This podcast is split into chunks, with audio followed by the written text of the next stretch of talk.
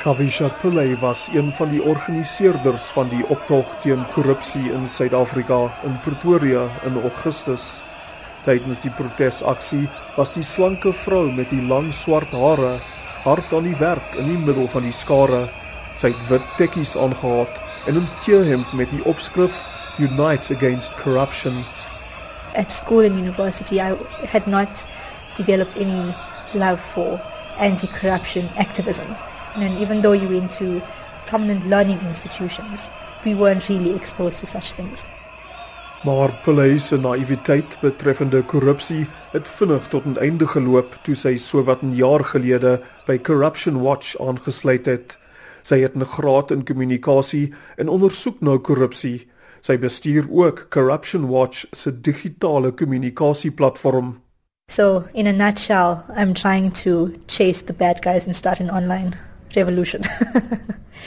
Deur die internet en sosiale media het Pillay reeds duisende Suid-Afrikaners en ook mense in ander lande aangemoedig om korrupsievoorvalle aan te meld. Sy is trots daarop dat haar werk gehelp het om korrupsie onder verskeie skoolhoofde aan die lig te bring. These principals are pocketing money for themselves. They are abusing their power where they are falsifying marks so they can get bigger grants from the government.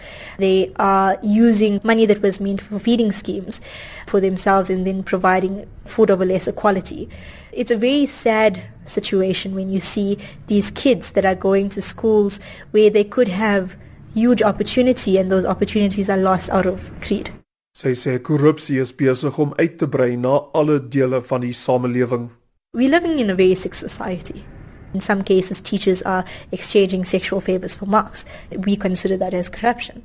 So if you are exposed to corruption at such a young age, when you grow up and when you develop, you're going to think that it is normal and then this culture perpetuates. So Soos baie mense in Suid-Afrika blameer Pillay president Jacob Zuma grootendeels vir die toename in korrupsie.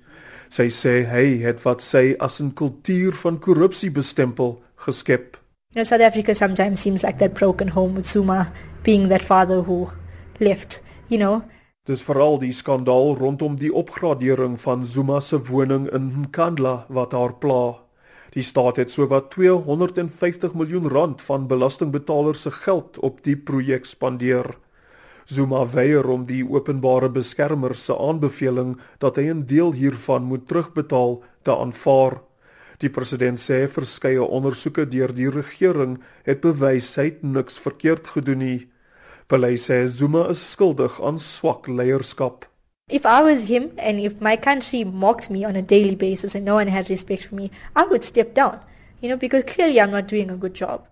Zuma se binnekring hou vol, hy word deur die meeste Suid-Afrikaners ondersteun. Maar sê Pillay, Suid-Afrika se stryd teen korrupsie is besig om nuwe momentum te kry.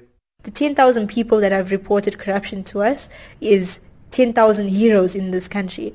People are actually willing to do something about it. I mean, we see it with our whistleblowers who come forth. They are such passionate people. They want to see a change, you know, and they... Pillay sê sy sal nooit ophou om te veg in die voorste linies in die stryd teen korrupsie in die strate en van agter haar skootrekenaar. Ek is Darren Taylor in Johannesburg.